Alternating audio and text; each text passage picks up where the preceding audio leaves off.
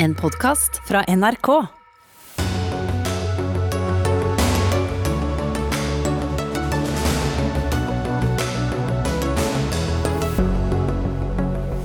Norske forfattere ber folk ta stilling i valgkampen og stemme grønt ut fra Naturvernforbundets partirangering. Høyres Tina Bru møter forfatter og bievenn Maja Lunde. Hvilke saker er velgerne egentlig opptatt av, og harmonerer det med hva politikerne tror velgerne er opptatt av, spør Dagsnytt 18. Toppfotballen går i klinsj med regjeringen, fikk blankt nei til å fylle opp tribunene foran onsdagens landskamp. Og exit for Gud i Exfil. Filosof etterlyser religion i grunnleggende filosofiutdannelse. Og med det ønsker vi velkommen til Dagsnytt 18 19 dager før valgdagen. Jeg heter Espen Aas. Rødt, SV, MDG og Venstre ja, det er partiene som hele 33 norske forfattere går miljøpolitisk god for. På listen finner vi navn som Jo Nesbø, Anne Holt, Karl Ove Knausgård og en rekke andre. Forfatteroppropet, som det ble kalt, kom i gårsdagens utgave av VG. Og de mener altså at det kun er disse fire partiene det er verdt å stemme på. Grunnen er at de skårer høyt på natur- og klimapolitiske spørsmål i undersøkelsen som altså er gjort av Naturvernforbundet. Og Maja Lunde, du er en av disse 33 forfatterne. Skal nå forfattere fortelle oss eh, hva vi skal stemme? Ja, det kan du si. Eh, nå representerer jo denne gruppa som har skrevet under veldig mange ulike ståsteder. Eh, men det at vi faktisk har samlet oss til dette, eh, det tror jeg er nytt. Jeg tror det er første gang det skjer. Og det sier jo kanskje noe også om hvor, hvor sterkt vi føler dette, og hvor, hvor krise vi mener det er. Og at vi rett og slett ønsker mer handling. Men det er en ganske bredt sammensatt gruppe. Hvordan kom dette i gang? Eh, du, det var eh, Anne Sverre Tygeson, som er biologiprofessor og forfatter, og jeg som, som satte det i gang. Mm. Tina Bru, olje- og energiminister, men også nestleder i Høyre. Du får velge hvilken hjelm du har på deg i denne sammenhengen. Du satte ikke så pris på dette oppropet. Hva er det du ikke likte? Nei, jeg ble jo litt uh, lei meg. Først og fremst fordi at jeg deler veldig det sterke engasjementet som disse forfatterne jo har. Og at de peker på at uh, klima er vår tids største utfordring, og at vi må ha politikk som tar det på alvor. Men så mener jeg da at Høyre er et parti som har en politikk som tar det på alvor. Uh, og da blir jeg jo litt skuffa når grunnlaget for å utrope oss til klimaversting ikke er basert på hva disse forskjellige forfatterne vurderer selv ut ifra partiprogrammene, men som er basert på hva Naturvernforbundet mener. Så det handler jo egentlig ikke om hvem som har best klimapolitikk. Vi skal komme til hvordan det er uh, rangert, men ja. uh, altså, hvis du skulle gitt høyere Høyre karakter fra 1 til 9 på en sånn grønn skala, hvor høyt ville du satt det? Fra 1 til 9, var det du sa? Eller 10 om du vil. ja. Nei, da vil jeg jo selvfølgelig gi oss høyest score. Jeg har jo vært med på å utforme Så Høyre er bedre på miljøpolitikk enn, en de fire som forfatterne? Jeg mener jo at vi har den beste klima- og miljøpolitikken, og dette handler jo om hvem har det det hvis du skal stemme i valget, og du den saken der. Ikke nødvendigvis eh, hvem er mest enig med Naturvernforbundet, som jo er utgangspunktet til, eh, til dette oppropet fra forfatterne. da. Vil du ikke ha lesere fra Høyre, Arbeiderpartiet, Fremskrittspartiet? Ja, nå tror jeg ingen av oss som skrev på dette gjorde det for å få flere lesere. Eh, vi gjorde det fordi at vi er frustrert og engstelige, redde fordi at ikke det skjer nok. FNs generalsekretær eh, sier det er kode rød. Eh, for to år siden så fikk vi FNs naturpanel som, som kom med sin rapport og fortalte oss at en million arter er i ferd med å dø ut. Eh, vi opplever dette som en krise. Det tror jeg veldig mange andre gjør også. Og For meg er det også skremmende med dette gapet i kriseforståelse. Hvordan eh, en del av de store norske partiene snakker fremdeles som om dette er business as usual, mens FN forteller oss noe helt annet. Så du ville ikke gitt toppscore til partiet til Tina Bru? Nei, og jeg har jo også lest Høyres partiprogram. og det, Jeg vet jo også disse menneskene som er med i dette oppropet, det er opplyste mennesker. Eh, de har ikke kun forholdt seg til Naturvernforbundets undersøkelse. Eh, men eh, vi mente at det var en god oppsummering, også fordi Naturvernforbundet selv har gått ut og spurt partiene om 37 ulike punkter da, og hva de ønsker å gjøre. Mm. Men, men, la oss gå da over til den. Hva er det som er galt med Naturvernforbundets undersøkelse? Nei, altså Vi har jo først og fremst den felles kriseforståelsen alle sammen. Eh, men det som kommer frem i den undersøkelsen i Naturvernforbundet, er jo hvorvidt man er enig i de tiltakene som Naturvernforbundet mener skal til for at man skal nå målene. Og Der er jo jeg veldig uenig. For så eh, mener jeg at vi trenger mer fornybar energi. Det er jo noe Naturvernforbundet er veldig kritisk til. F.eks. vil de ikke ha noe mer vindkraft eh, i Norge, med mindre det er veldig liten skala og bare på industriområder. Det mener jeg er dumt. De sier nei til all mineralutvinning, som jo vi vet trengs hvis vi skal få til det grønne skiftet i stor skala globalt, og det er jo der det må skje. Eh, de sier ingenting om f.eks. utenlandskabler og utveksling av strøm med andre land, som jo bidrar til å kutte utslipp i andre land. Mm. La oss liksom trekke inn eh, nestlederen i Notørforbundet, Pernille Hansen. Hvorfor er eh, Høyre sånn en versting her? Altså, Jeg tror på Tina Bru når hun sier at, at, klima og natur er viktige saker for henne. Og, og, som minister så føler vi at du lytter til oss, og du har verna Lårdalsåi nå i det siste, f.eks. Takk for det. Um, men når vi leser programmet til Høyre Høyre. Og når vi leser svarene på vår undersøkelse, så er det tydelig at, at natur og klima ikke prioriteres høyt nok av Høyre. For eksempel da, så, så spør vi eh, om partiene vil arbeide for at en ny nasjonal, eh, internasjonal natur, eh, naturavtale skal ha et mål om 30% vern av hav og på land. Og Da svarer eh, Høyre at ja, det mener vi. Og så spør vi ja vel, eh, skal vi verne 30% av norske havområder? Eh, nei. Eh, og Det eh, viser at man, man eh, mener at dette er viktig, men, men setter ikke høyt nok på agendaen. Faktisk, altså, vi blir ikke målt på, på hva vi syns er viktig, men hva vi gjør. Men da er det jo igjen sant, det tiltaket som Naturvernforbundet mener er rett, som skal avgjøre da for denne eh, gjengen her da, så kom på oppropet hvorvidt eh, vi har en klima- og miljøpolitikk som står til troende eller ei. Og Jeg kunne jo tatt påstanden tilbake. Hvorfor er dere imot å bygge ut mer fornybar energi? Hvordan skal vi løse klimakrisen uten det? Hvorfor spør dere ikke f.eks. hvilke av disse partiene er for et tettere samarbeid med Europa og EU, som vi vet er helt avgjørende for å kunne også få til dette? Fordi klimautfordringen er tross alt global, i og med at dere jo er opptatt av internasjonale avtaler, som du selv trekker frem. Stiller dere feil spørsmål? Altså Om vi skal snakke om klima og olje, da, så, så spør vi om eh, dere vil eh, slutte å leite etter olje, f.eks. Eh, og der har vi alle de partiene som får grønt lys av oss, Rødt, eh, SV, MDG og Venstre, eh, svarer ja på det spørsmålet. Høyre svarer nei. Eh, og Hvor henter vi sånne spørsmål fra? Nei, F.eks. fra FNs generalsekretær, som sier at vi kan ikke fortsette eh, å bore etter olje.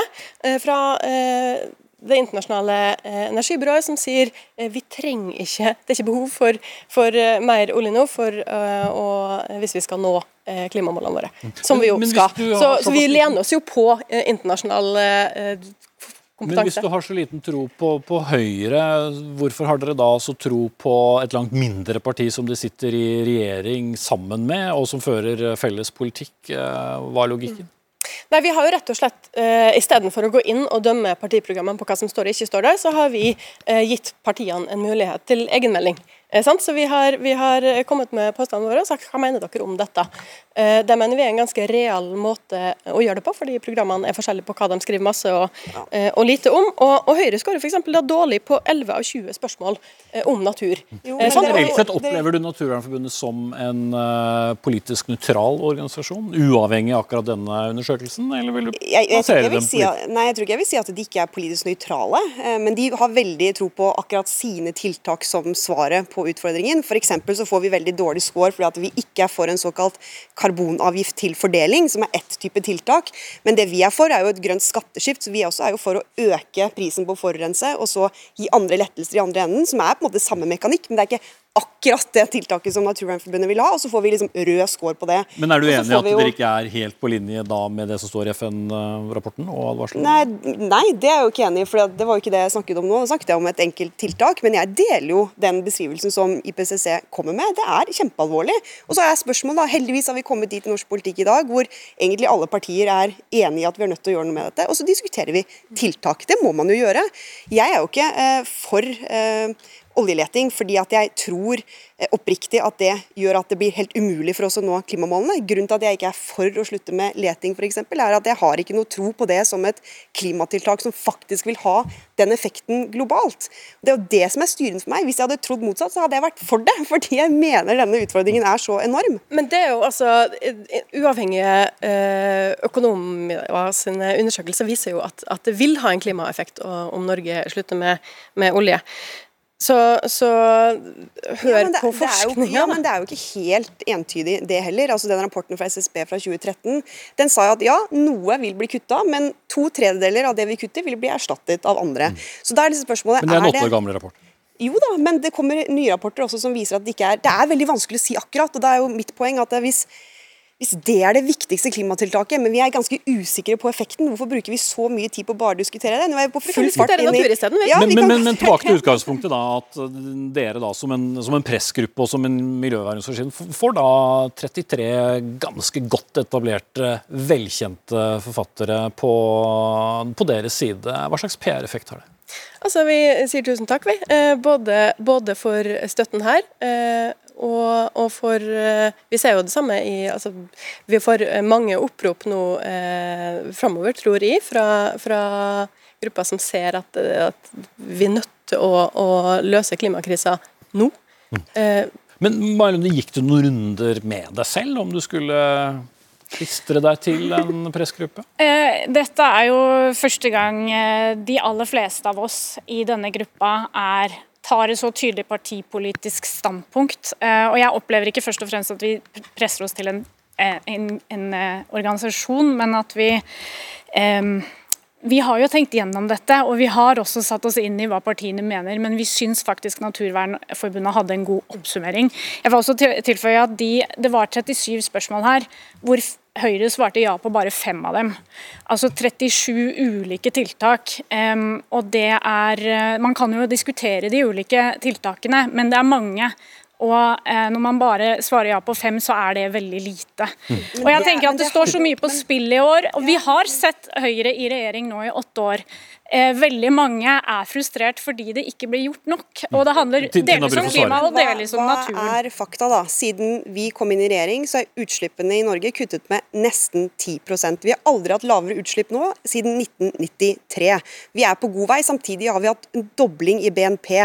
Så vi har faktisk klart det kunststykket å kutte utslippene samtidig som vi har økonomisk vekst. Og den rapporten deres, jeg beklager, men det er så uriktig fremstilt. Når vi f.eks. får en dårligere score på hva vi vil gjøre med CO2-avgifta enn det Venstre får, når vi har ført akkurat samme politikk, så må dere jo også, da, hvis dere skal være etterrettelige, syns jeg, vise dette frem på en ordentlig måte. Og at Rødt som et parti til liksom, dette er klimaparti, de er imot all havvind, all vind på land, ingen av løsningene som trengs. Det blir useriøst. Jeg beklager, altså. Burde forfattere skrive bøker og ikke drive politikk? Nei, de må selvfølgelig drive politikk, men jeg syns de, de, kunne skrevet et opprop basert på hvordan de selv har lest partiprogrammet og dannet seg en mening, istedenfor å legge naturvernsrapporten. Mm. Hvor du sikkert ville sagt at det var akkurat eh, det Jeg ville nok sagt det samme, og jeg ønsker meg jo en mer visjonær politikk for Norge. Vi har levd godt av oljepenger nå i 50 år, og vi har et internasjonalt ansvar. Eh, hvis ikke vi skal gjøre det, hvem skal gjøre det da? Men Da kan du jo svare på om du er for havvind, f.eks. For, for et av de partiene du anbefaler er jo imot det. Er det en løsning, f.eks.? Jeg er ikke interessert i å gå inn i enkeltsaker, fordi er, her er det okay. summen for meg Vi som teller. Vi setter strek der. Eh, Pernille Hansen, nestleder i Naturvernforbundet, forfatter Maja Lunde og det Høyre-nestleder Tina Bru. Jeg vet ikke om du svarer da med å skrive en bok mot forfatterne? Ja. Takk skal dere ha.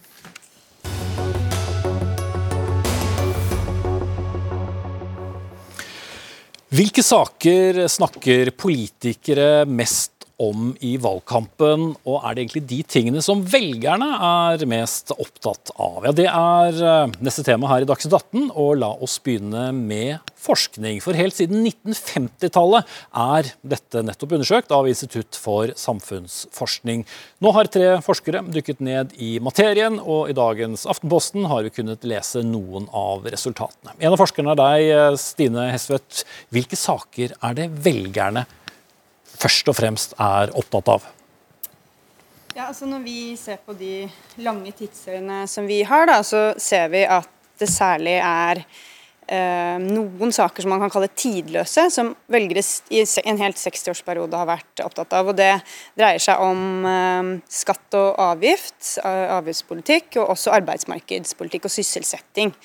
I tillegg så har velgere vært opptatt av eh, spørsmål knyttet til velferdstjenester og, og velferdsstaten, som, og særlig da helse og eldreomsorg har vært, er evig aktuelt da, over så lang tid. Mm. I tillegg så er sentrum- og periferidimensjonen, eller distriktspolitikk, også noe man opplever som viktig. By og land, ja. Og så måler man jo også hva slags eh, sakseierskap, som vi sier. Altså hvilke partier som da velgerne oppfatter svarer best på disse uh, utfordringene. Men også mm. her uh, kan f.eks. to helt motstridende partier uh, score høyt på å være de som, som svarer. F.eks. På, på innvandring kan uh, både Fremskrittspartiet og partier på venstresiden ha stort sakseierskap, på samme måte som dagens hete tema klima. Ja, det stemmer. Altså Partiene som har sakseierskap til uh, politikkfelt, de gjør det som oftest også veldig godt på valgdagen om disse sakene har stått høyt på agendaen, og særlig også medienes, i medienes dekning. Og Vi ser jo at Arbeiderpartiet og Høyre, uh, som er de store partiene på den klassiske høyre-venstre-aksen, har sakseierskap til disse klassiske sakene som skatt og avgift, mens det er no de partier som Eh, SV og Venstre, og nå særlig etter hvert MDG, som har sakseierskap til klima. Mm. Men for innvandring så er det, eh, har Frp og eh, SV sakseierskap til saken, fordi de representerer to motpoler, da, eller motstridende velgerinteresser, kan du si. Så de har sakseierskap, selv om de mener forskjellige ting om innvandring. da sier vi gjerne at uh, ethvert valg er et veldig spesielt valg, men altså, undersøkelsen deres baserer seg jo på de tidligere stortingsvalgene. Årets stortingsvalg er jo ennå ikke unnagjort, men her har bl.a. Aftenposten uh, nylig undersøkt litt hva, hva velgere er uh, opptatt av, og hva ser ut til å seile opp da som 2021s store saker. Det bør du kanskje spørre Magnus Takvam om mer enn meg, men Um, klima og innvandring var de største sakene ved sist uh, stortingsvalg. Og så er det, er det, kanskje noen ting som okay. også er ja. eh, Magnus Akam skal få slippe til om litt, han, men vi skal ha med Siv eh, Sandvik også, som er politisk redaktør i Adresseavisen. Du er med oss fra studio i, eh, i Trondheim. Én ting er jo hva velgerne sier de er opptatt av, noe annet er jo om det er det toppolitikerne snakker om når de er uh, ute og reiser. Siv Sandvik, uh, møtes de på sak? Nei, Vi ser jo fra Aftenposten sin eh, undersøkelse, som de har gjort to ganger nå i valgkampen, at eh, etter FNs eh, klimarapport ble lagt fram, så har jo også miljø klatra opp eh, og blitt den nest viktigste saken eh, for velgerne etter eh, sosiale forskjeller. Og det snakker jo også mange politikere om, særlig når de kommer i ditt studio og i andre valgstudio, for det er det som står høyt på agendaen. Men når de møter velgere ut på, på valgboder og på valgtorg, så er det jo ikke sikkert at det er klima som, som de spør om. ikke sant? De kan spørre om helt lokale saker som som eh, stortingspolitikerne og stortingskandidatene nå kan ha vanskelig for å svare på. Ikke sant? Sist jeg var eh, på et valgkamparrangement på Nordre under Erna Solberg sin valgkampåpning her eh, i Trondheim, så kom det jo en, en mann bort og, og snakka lenge med hun om, om rusreformen, f.eks. Så hva de snakker om på valgbodene når de møter velgere, og hva de blir bedt om å prate om når de kommer til deg og andre debattledere, det er ikke alltid det samme. Politisk kommentator her i NRK, Magnus Akvam, du har vel flere, flere stortingsvalgkamper i beltet enn de, de, fleste av oss. Men hvordan opplever du, du er jo tett på eh, toppolitikerne, er det en sammenheng mellom det velgere er opptatt av, og det som eh, partiene klekker ut og velger å fokusere på? Det bør jo være det, hvis vi skal få stemmer. Men det er klart, én eh, ting er liksom de aggregerte, samlede makrotallene for type saker som folk er opptatt av, velgerne er opptatt av, i sum. Eh, en helt annen sak er liksom, hvis du går ut både eh, regionalt og generasjonsmessig, så viser også f.eks. Aftenpostens siste mm, måling om disse tingene at det er veldig store forskjeller. De yngre velgerne f.eks. er langt mer opptatt av miljø enn de eldre. Og det er også slik at i de større byene er det temaet mye høyere opp på dagsorden enn i distriktet. Eh, og mm, det betyr at det foregår jo selvfølgelig eh, fra partienes side en valgkamp på ulike nivåer. Veldig mye av den lokale valgkampen går jo selvfølgelig under radaren på de nasjonale mediene. Så eh, partiene prøver i hvert fall å gjøre en så god jobb de kan med å kalibrere og liksom analysere hva er det viktig å snakke om på dette torgmøtet, hva er det viktig i denne kommunen. Så som sagt så er det et spekter av, av hensyn de tar. Mm. Men hvis vi da skal sammenligne med, med valget da i, i 2017, som, som Hesset uh, snakket om, er hvor blant innvandring da var en stor sak. Kan det bli en stor sak i en tid hvor det knapt er uh, innvandring?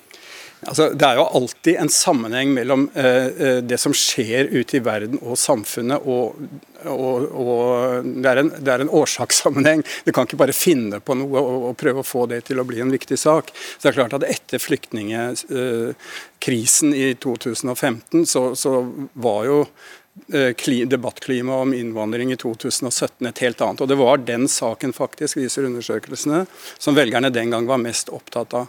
Men så er det slik at eh, holdningen til innvandring i de ulike partiene kan være relativt konstant. Men er ikke saken høyt oppe på dagsorden, så kan en skal vi si, innvandringskritisk velger ikke prioritere det temaet i valget nå, men andre saker som vedkommende kanskje er minst like opptatt av. Så det er klart, eh, hva som skjer ute i samfunnet, hvilke saker som er på dagsorden, eh, påvirker partiene. Så det gjelder for dem å kunne både fange det opp og, og, selv på en måte påvirke det mest mulig i sin retning. Og Der ser vi jo f.eks. nå i klimadebatten, så er det de som har eierskap og som er genuint, skal vi si, som har det som øverst oppe.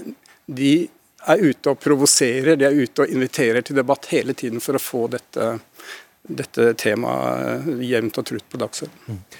Siv eh, Sandvik, eh, vi får jo stadig målinger, både regionale og ikke minst de nasjonale målingene, som ser hvordan partiene gjør det. og Det er jo utvikling der uh, hele tiden. Er det partier som får større utfordringer nå ut fra uh, de sakene som er mest oppe, og som kanskje er det eh, velgerne er mest opptatt av? Ja, det har jo tidligere vært skrevet veldig mange kommentarer og, saker om hvorfor Senterpartiet gjør det så bra. De har jo vært opp eh, på 20-tallet for ikke så altfor lenge siden. Eh, og nå handler jo de samme kommentarene og artiklene om hvorfor Senterpartiet nå ser 11- og 13-tallet på, på, mange målinger. Og mye av det er jo at de sakene som de er opptatt av, og ikke minst de sakene som også har en klar konflikt konfliktlinje, eh, det er sentralisering. Eh, der har de på inn- og utpust eh, snakka om tjenester nær folk og anklaga regjeringa for å føre en sentraliserende politikk. Og Det har de tydeligvis truffet en tidsånd på, på, også. Men nå når tidsånden i stor grad, i hvert fall for store velgergrupper, dreier seg om klima, så treffer de ikke like godt, og de kommer veldig på defensiven. De har vært på offensiven i åtte år, og nå er de i en liten uvant situasjon. Mm. Og og Magnus, eh, der har vi jo sett eh, Det komme frem allerede nå rett før sending at det snakkes om at Senterpartiet også faktisk må endre retning nettopp eller i hvert fall endre måten de, de snakker om egen politikk på, nettopp pga. klimaspørsmålet har blitt større enn kanskje mange har forventet? Ja, jeg tror i hvert fall at Senterpartiet selv oppsummerer at uh, altså, de vil jo aldri si at de har en dårlig klimapolitikk. Uh, sånn at, men det de sier og, og, prøver å korrigere, er på en måte hvordan de opp, har blitt oppfattet i debatten om klima. Og der har de, har de også seg sjøl å takke, vil jeg si. Men det er opplagt at de nå vil, tror jeg, føle, prøve å få fram hvilke, hvilke forslag de har, og, og, vise at de også er på banen her. Men én ting jeg, i forlengelsen av det Siv Sandvik sier, er, er mer min, min, analyse av Senterpartiet, og, og det at det butter litt nå, er at det de skåret på, var på en måte, følte jeg, en slags stor fortelling om det norske samfunnet i, de, i løpet av de siste par årene. Om all, at alle reformer eh, greide de å knytte inn i en slags eh, sentrum-periferi-aspekt. Mens når det blir en konkret valgkamp om enkeltsaker, utdanningspolitikk, politi, eh, helse, så blir det mye vanskeligere, tror jeg, å, å liksom beholde sto, den store fortellingen. Og da, da, er det ikke så lett å surfe, føler jeg, på den, den uh, bølgen de, de, ha, de, gikk inn i valgkampen med. Mm.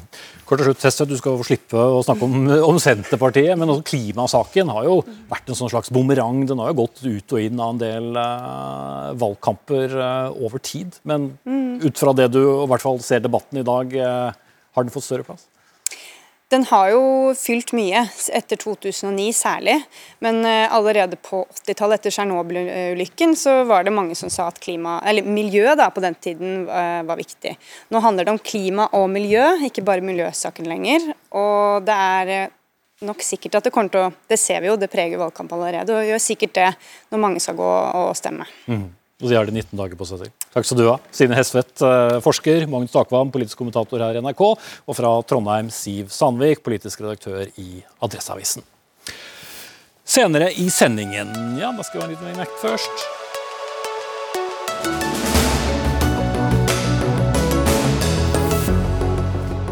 Prøver igjen. Senere i sendingen kan vi egentlig uten videre tilby barn mellom 12 og 16 år koronavaksine? Nei, det strider med FNs eh, barnekonvensjon, ifølge en jusprofessor som eh, kommer til eh, oss. Men nå Regjeringen fikk i går et eh, gult kort av landslagssjef Ståle Solbakken etter at Norges Fotballforbund fikk et nei til å ta inn flere enn 7000 tilskuere på landskampen på Ullevål stadion neste onsdag mot Nederland. Han reagerte med frustrasjon over at landslaget ikke dermed får flere tilskuere i ryggen i denne VM-kvalifiseringskampen. Og Lise Klavenes, direktør for toppfotball og landslag i Norges Fotballforbund. Du støtter landslagssjefen, men er det så musikalsk å fylle opp uh, fotballtribunene i disse dager, hvor til og med dette berømmelige R-tallet nå er oppe i 1,1?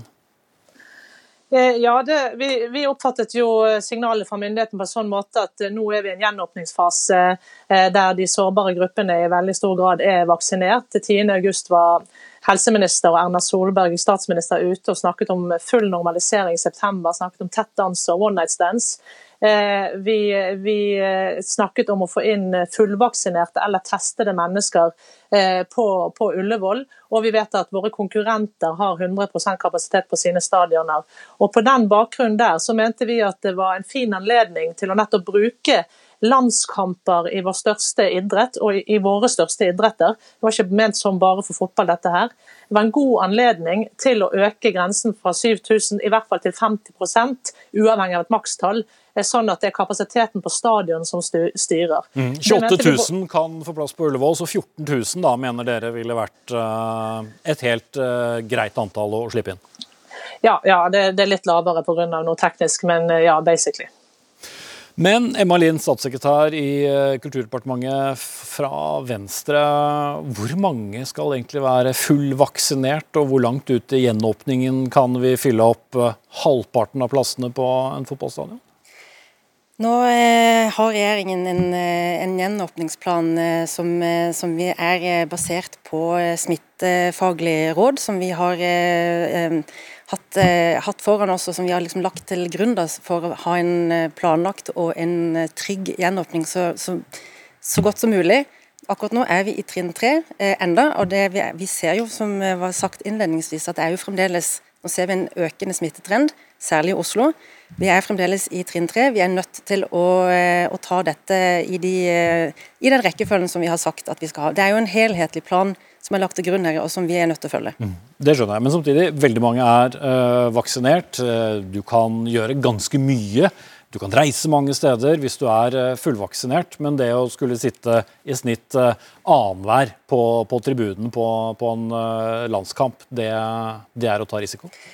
Men dette har vi jo måttet håndtere gjennom hele pandemien.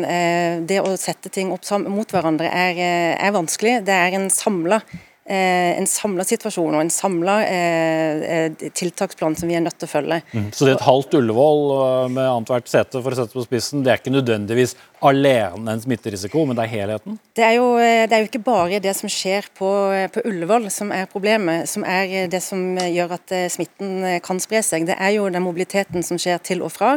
Og som sagt, det er den hele, den hele smitte, altså, det er hele situasjonen som vi er nødt til å ta og legge til grunn. Så, så dessverre Vi kan ikke se det bare som en, som en enkelt arrangement, vi er nødt til å se, se det som en helhet. Mm. Men, men Klavenes, 7000 mennesker, det er jo ikke så Det er ganske lenge siden så mange har kunnet samle seg. Hvis 7000 kan komme inn og se på, på en landskamp, hvorfor er ikke det bra nok?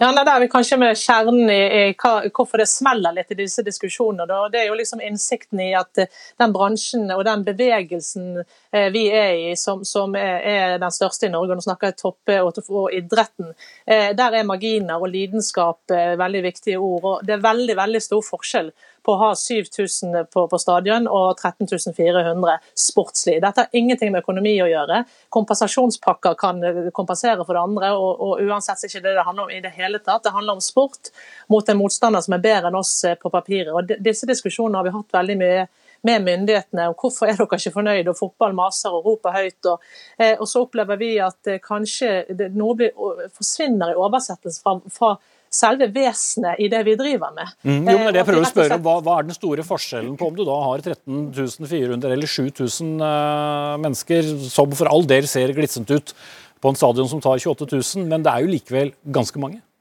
Ja, det, det, det, er kjempestor forskjell på å ha et større publikum i ryggen enn 7000. Det er bedre med 7000 enn null, men det er mye bedre med 13 400 enn 7000. og Det vil i grunnen alle toppfotballspillere kunne svare deg på. Eh, det, det, handler om veldig mange ting. Først og fremst motivasjonen og den hjemmebanefordelen som er anerkjent i, i, fotball som en reell faktor for at man har bedre resultater på hjemmebane. Så det, eh, er en størrelse i seg selv. Og så handler dette om en, en, en, pandemi, halvannet år ut i en pandemi, der vi opplever at når statsminister og helseminister er ute og snakker om total normalisering og tett dans i september, og vi har en viktig landskamp i 1. september, og vi prøver å få til en, en samtale og en tillatelse på 50% som jo absolutt er restriksjoner. Eh, først 75 så får vi avslag, og så 50% og vi blir da avspist med hvorfor skal fotball og ikke, og ikke andre. Eh, som om trinnene hittil har vært eh, en helhetlig plan man ikke har avveket fra. Hele pandemien har vært et lappeteppe selvfølgelig, og krisehåndtering der man må tilpasse seg. Så jeg opplever at den måten å snakke på er politiske markører for å på en måte få sagt at vi prøver å tilsnike oss særfordeler. Mens fra idrettens ståsted så har vi rett og slett en forpliktelse til å si ifra at vi har hatt de strengeste restriksjoner på alle områder, hjemme og okay. i utlandet. Svar på det, Emalien. Om de har hatt de strengeste restriksjonene av alle, eller De eh, kommer I, i Europa. I, I Europa, ja. Uh, vi uh, Altså, uh, smitte Nå er ikke Altså, vi har jo hatt en strategi, Norge har jo hatt sin strategi på å håndtere pandemien.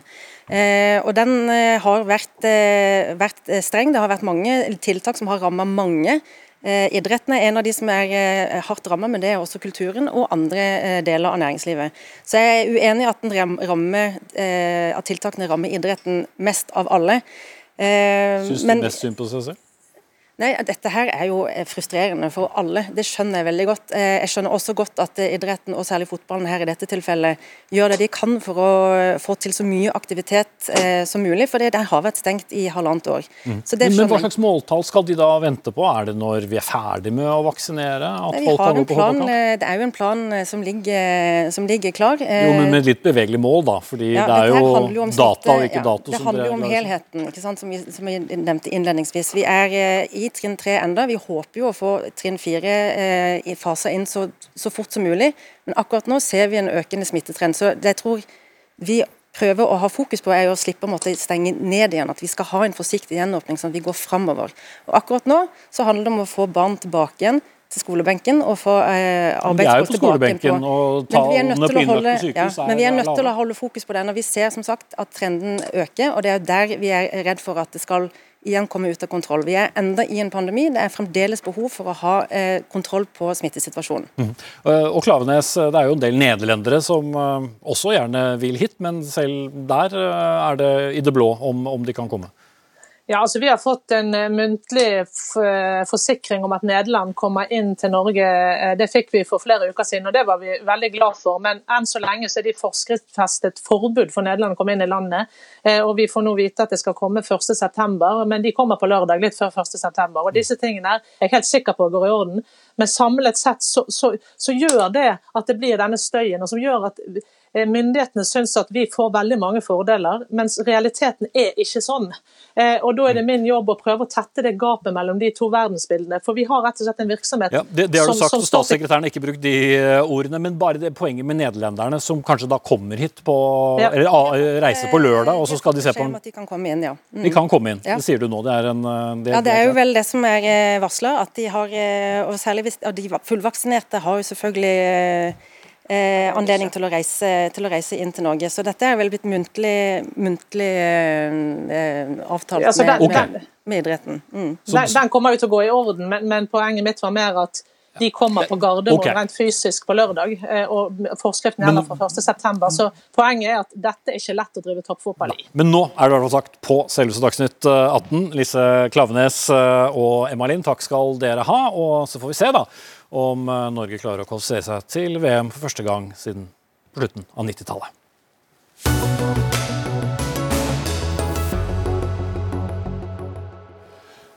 Nå kaster også jurister seg inn i debatten om hvorvidt alle barn mellom 12 og 16 år skal få tilbud om koronavaksine. Og det gjør juristene bl.a. med å vise til FNs barnekonvensjon som begrunnelse for at aldersgruppen ikke bør tilbys vaksine.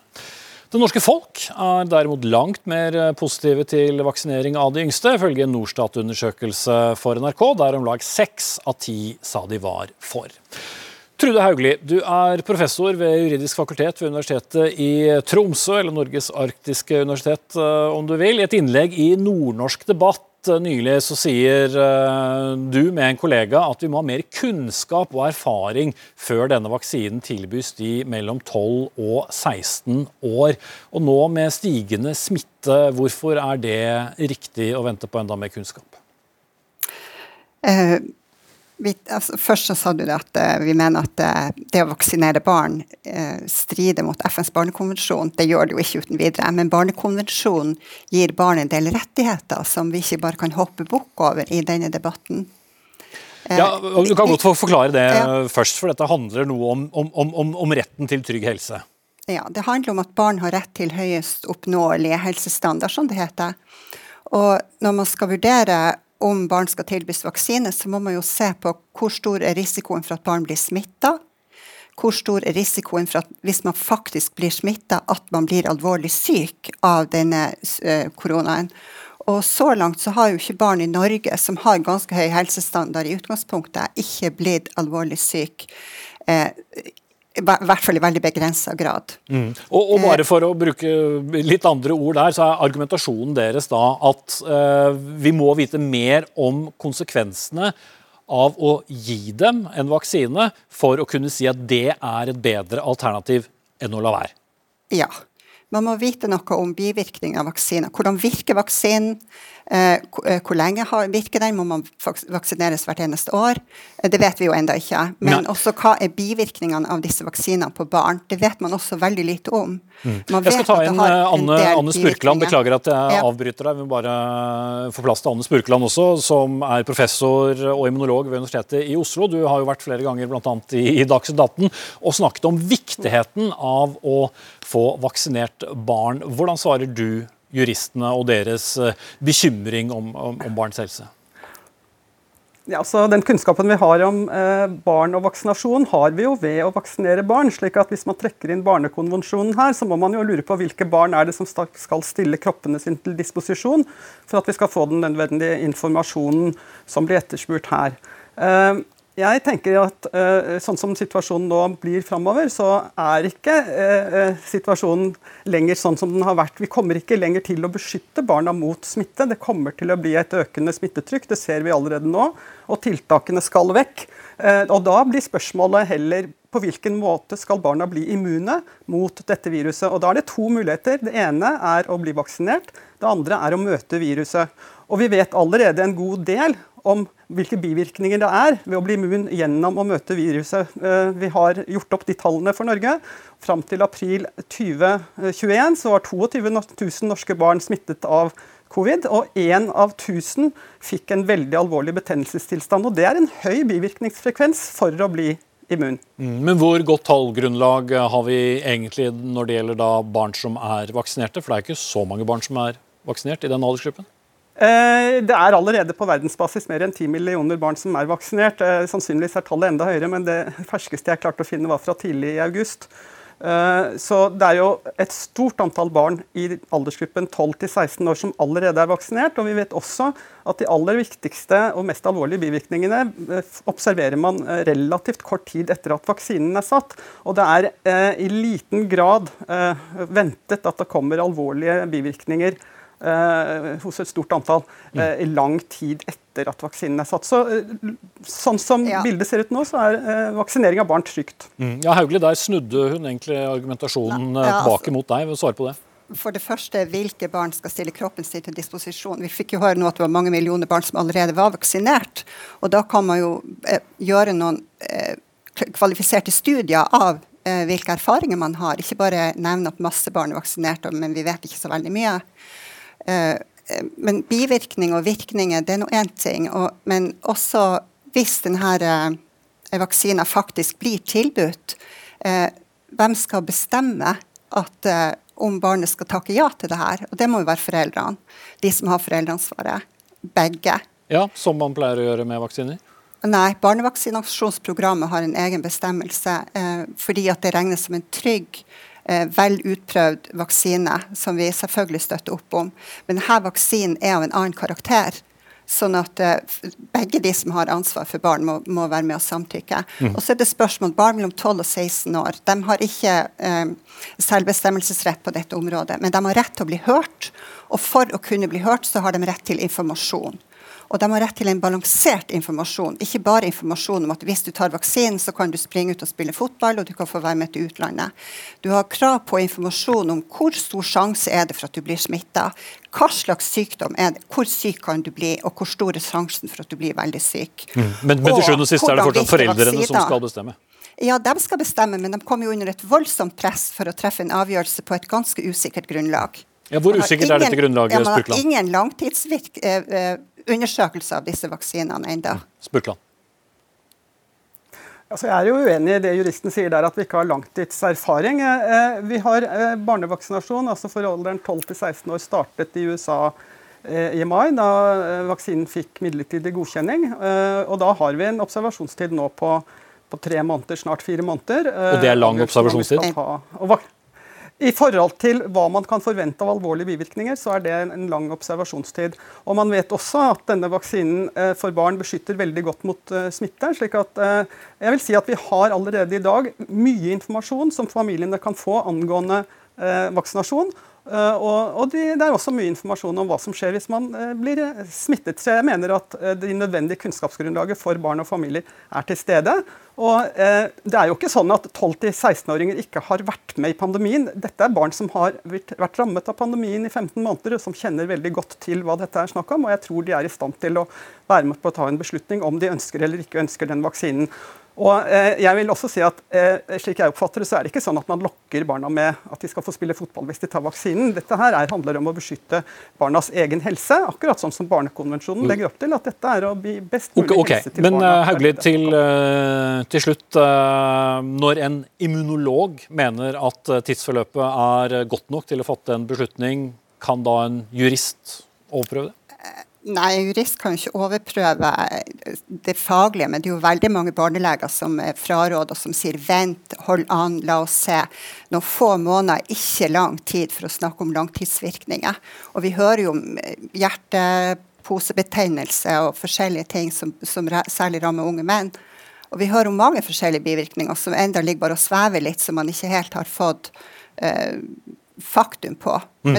Veldig kort til slutt, uh, svar på det, Spurkland. Eh, eh, jeg? Ja.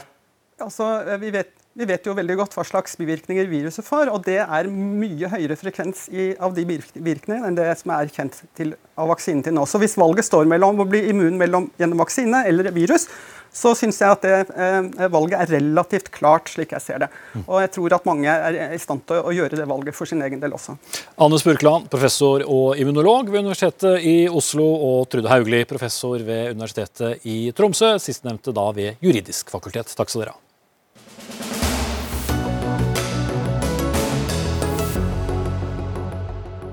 For å, for å, møte både et ønske om flere oppdrettere langs kysten og samtidig verne villfisk og miljø, foreslår regjeringen en ny tillatelses, tillatelsesordning for oppdrett, der det skal stilles strengere krav til miljøhensyn som oppdrettsselskapene må ta. Men eh, langt fra gode nok, ifølge opposisjonen, som skal få slippe til om litt. Men Odd Emil Ingebrigtsen, fiskeri- og sjømatminister, skal nye oppdrettsselskap nå operere under strengere regler enn sine konkurrenter? Ja, jeg er veldig stolt over at vi nå har fått plass, eh, eller kommer til å lyse ut en ny ordning som sender ut en høring om eh, en ordning som skal dra havbruket enda mer miljøvennlig retning, hvor vi setter strenge miljøkrav. For nye oppdrettere? For en ny eh, lakseproduksjon. Og det vi ønsker å oppnå med det, er jo nettopp å svare på en del av de miljø- og bærekraftsutfordringene som eh, i dag eh, næringa sliter med. Mm. Men de selskapene som allerede er etablert langs kysten, de fortsetter som de gjør i dag? Det gjør de. Så i motsetning til opposisjonen, i hvert fall SV, så ønsker ikke vi å rasere hel næring for å bygge opp noe nytt. Vi ønsker å forandre gradvis for å utvikle videre. Men syns du det selv er, er, godt nok, når de som allerede er etablert, ikke skal legges under de samme strenge kravene som de nyetablerte? Ja, Vi ønsker å gå videre nå gradvis med å dra da, havbruket inn i mer det vi kaller for kystnært lukka oppdrett. Da kan vi få Vi har stilt strenge miljøkrav, null lus, minimum 60% oppsamling av slam og tiltak mot rømming. Og Det er hovedutfordringene, i tillegg selvfølgelig til å Men 40 er greit? Ja, det, si det, vi utlyser en konkurranse hvor eh, hvis du får til mer enn det, så får du eh, mer innovasjonspoeng, og så skal du få en stimuli i form av en lavere pris for å få lov å produsere den laksen. Mm. Torgeir Knag eh, Fylkesnes, stortingsrepresentant for SV. Er ikke dette ganske sterk innstramming for oppdrettsnæringen? da? Det er jo positivt at man her kommer med eh, et forslag der, som viser peker retning for litt mer bærekraftig eh, oppdrett. Eh, men det er jo som, eh, som, dere er inne på her, en slags innrømmelse av at dagens oppdrett ikke er bærekraftig. Og Da er det spesielt at man eh, slags pynter på toppen med en liten eh, miljøordning, mens den store produksjonen ellers de skal kunne fortsette som før. Og Dette har vi kritisert i lang tid. Eh, at det har vært altfor slappe miljøkrav. Det har gått utover både miljø, natur, men ikke minst også andre næringer langs kysten. Eh, og har ført løsning da nullutslipp på både eksisterende og kommende anlegg?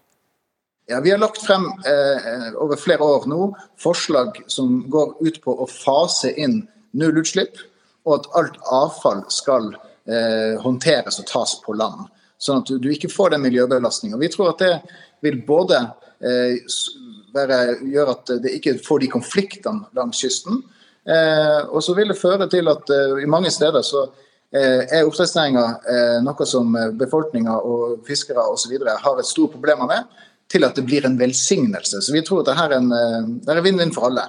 Derfor, Hvor mye fiskeoppdrett blir det i Norge hvis vi skulle innført så strenge krav? Ingebrigtsen? Ja, det blir det i første omgang eh, null. så at, eh, Derfor jeg sier at da er jo egentlig realiteten at man raserer hele næringen gjennom en sånn skogbranntaktikk, for å da få det bygd opp på nytt igjen. Og vi ønsker Neste mener du raserer kysten i stedet?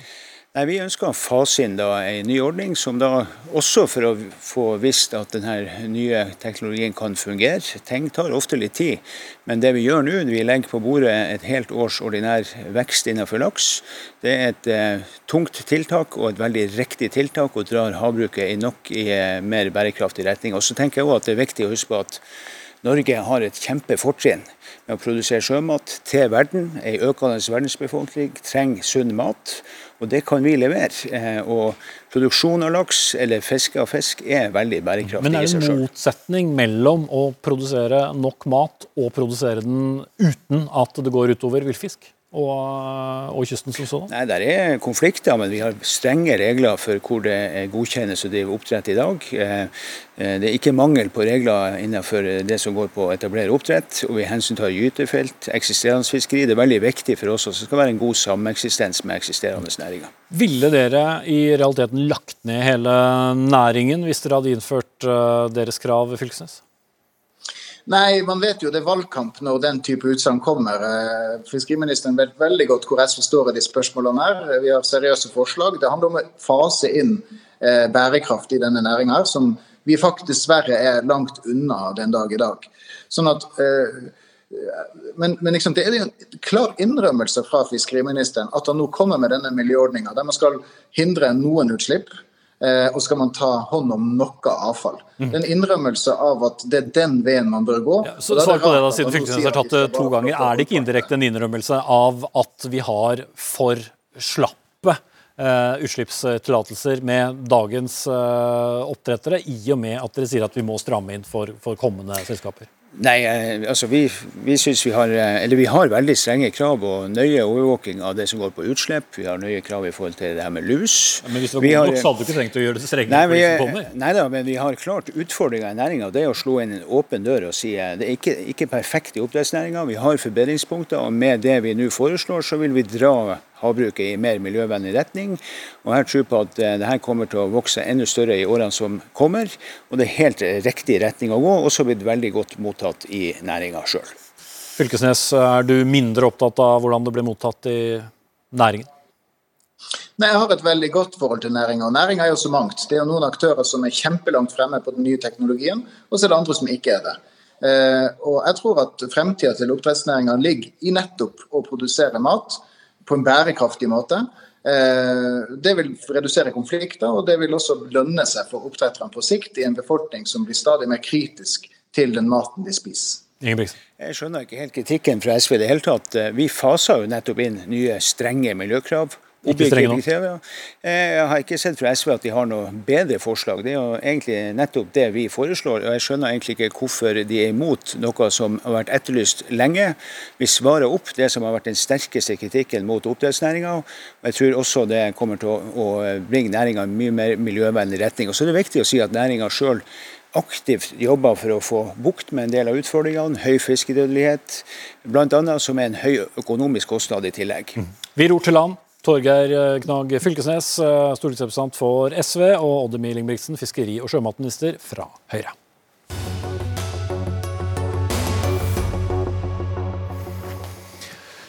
Religion. Religion blir ikke tatt på alvor i eksamen filosofikum, eller exfil om du vil, som jo er obligatorisk for dem som vil studere på norske universitet. Påstanden kom bl.a. fra studenter i dagens utgave av avisen Vårt Land, men fikk også støtte fra professorer innenfor filosofifeltet, som mener religionen blir nedprioritert. Og en av dem er deg, Einar Duenger Bøhn, professor i filosofi ved Universitetet i Agder. Hvorfor skal vi ha mer religion inn i et pensum om filosofi? Nei, Det er jo et godt spørsmål. Altså, det skal jo først og fremst vi snakke om X-FIL her. da. Eh, og X-FIL, når det er på sitt beste, så er jo det et dannelsesfag. Og dannelse går jo ut på at du skal evne å heve blikket fra det konkrete til det mer generelle. Så du ser det konkrete du er opptatt av, som et falle inn under noe mer generelt. Så det vi ønsker med X-FIL-studenter, er jo at de skal da evne å heve blikket litt over det faget de studerer, og se det som en del av en større trend men noen større generelle tendenser for rasjonell tenkning, vitenskapelig tenkning og kritisk tenkning osv. Hvis du da tar vekk mange av de konkrete tilfellene som er aktuelle, og som veldig mange føler er veldig viktige i hverdagen, og ikke tar det med i den diskusjonen, så er det et eller annet som går tapt der, tenker jeg. da. Altså, mm. At man ikke evner å heve blikket opp og ta med seg de konkrete tilfellene som faktisk er samfunnsrelevante. da. Men er religion så tilstedeværende i norsk samfunn i dag at vi trenger også å, å ta det inn i X-fil? Ja, altså jeg tror kanskje det er mer tilstedeværende mange, eh, i hvert fall innen akademia og filosofi, tenker. da. Altså Jeg tror det er en viktigere del av veldig mange folks liv enn det vi kanskje ser fra kontorene våre eh, når vi sitter og, og, forsker. Så jeg tror, eh, og I tillegg så er Norge nå mange flere religioner. Det er mer multikulturelle trekk som kanskje kunne vært hevet opp og diskutert på en felles plattform for kritisk tenkning, som X-Fil jo på sitt beste skal være. Ja. Og Hvis du får til det med de eksemplene, så evner vi å finne en plattform som alle de som tar høyere utdannelse, kan snakke tenke sammen på. da, og Få samme språk. få se det her Skal som stille spørsmål videre til Ole Martin Moen, professor i filosofi da ved, ved Oslo OsloMet, også undervist en del da i, i X-Fil. Eh, Hva mister vi ved å ta bort religion fra X-Fil? Det, det er ikke en veldig stor del av det. Jeg innrømmer at jeg tok X-Fil lenge før vi hadde OL på Lillehammer, men, eh, men det er jo ikke det det først og fremst handler om. Nei, jeg gjorde et lite søk i den læreboka som brukes på Universitetet i Oslo nå, og så etter ordet Gud. Og det var 100 ganger i løpet av boka. Eh, Og det er jo litt, det var mer guddommelig, med guddommen, med guder i flertall også. Så det er jo absolutt til stede. Men det har jo ikke et veldig sentralt fokus. Men jeg tror det er også viktig å huske at det som ga opphav til denne saken, eh, diskusjonene var jo en sak i, i Vårt Land. Og de studentene som der var, mente at det var for lite Gud, det var jo da eh, eh, studenter som gikk på prestestudiet på Menighetsfakultetet. Eh, og jeg skjønner jo at for dem så er det jo da sikkert mye mindre Gud, mye mindre religion enn hva det er i de fleste andre fag. Men det skulle jo på en måte bare mangle. Hvis målet er nettopp som Einar Duenger Bøhn sa, å kunne heve blikket fra det man jobber med akkurat nå, til å kunne se det inn i en større sammenheng. Og kunne på en måte flette det inn i de litt sånn overordnede spørsmålene da, om verden vi lever i og kunnskapen vår og hva vi bør gjøre her. Så der tenker jeg X-Fill gjør det ganske bra.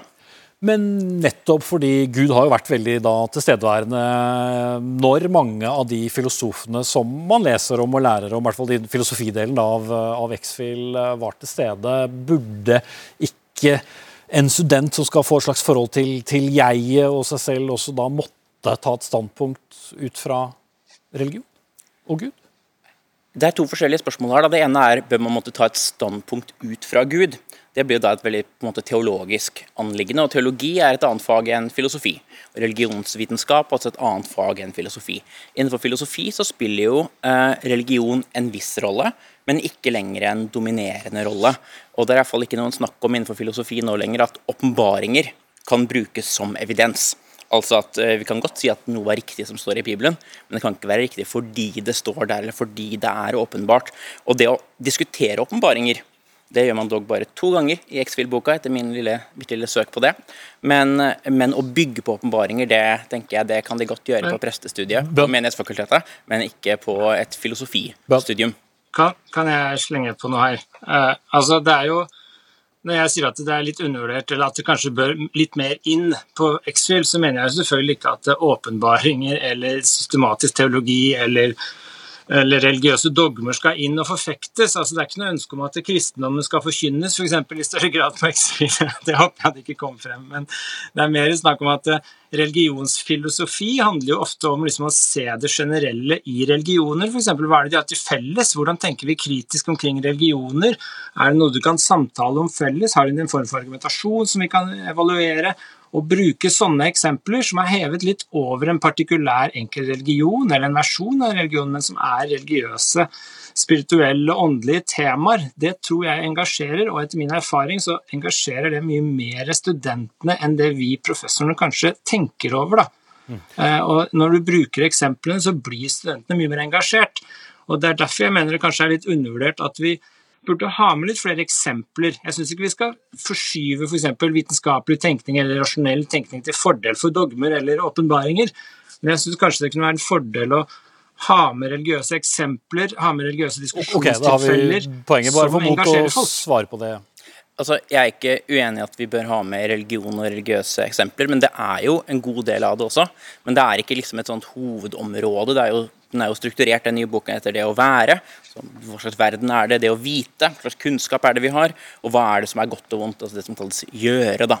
Så den prøver jo nettopp å, å, å sette eh, mange hverdagslige spørsmål, mange spørsmål vi har ute i samfunnsdebatten ellers, eh, inn i en større filosofisk sammenheng, som jeg syns den gjør på en god måte. Mm. Jeg synes Det er Og bra at vi ikke er så historiske lenger som vi var før. Og Filosofen Nietzsche sa jo at uh, Gud er uh, død, men han skal være med litt tilbønn.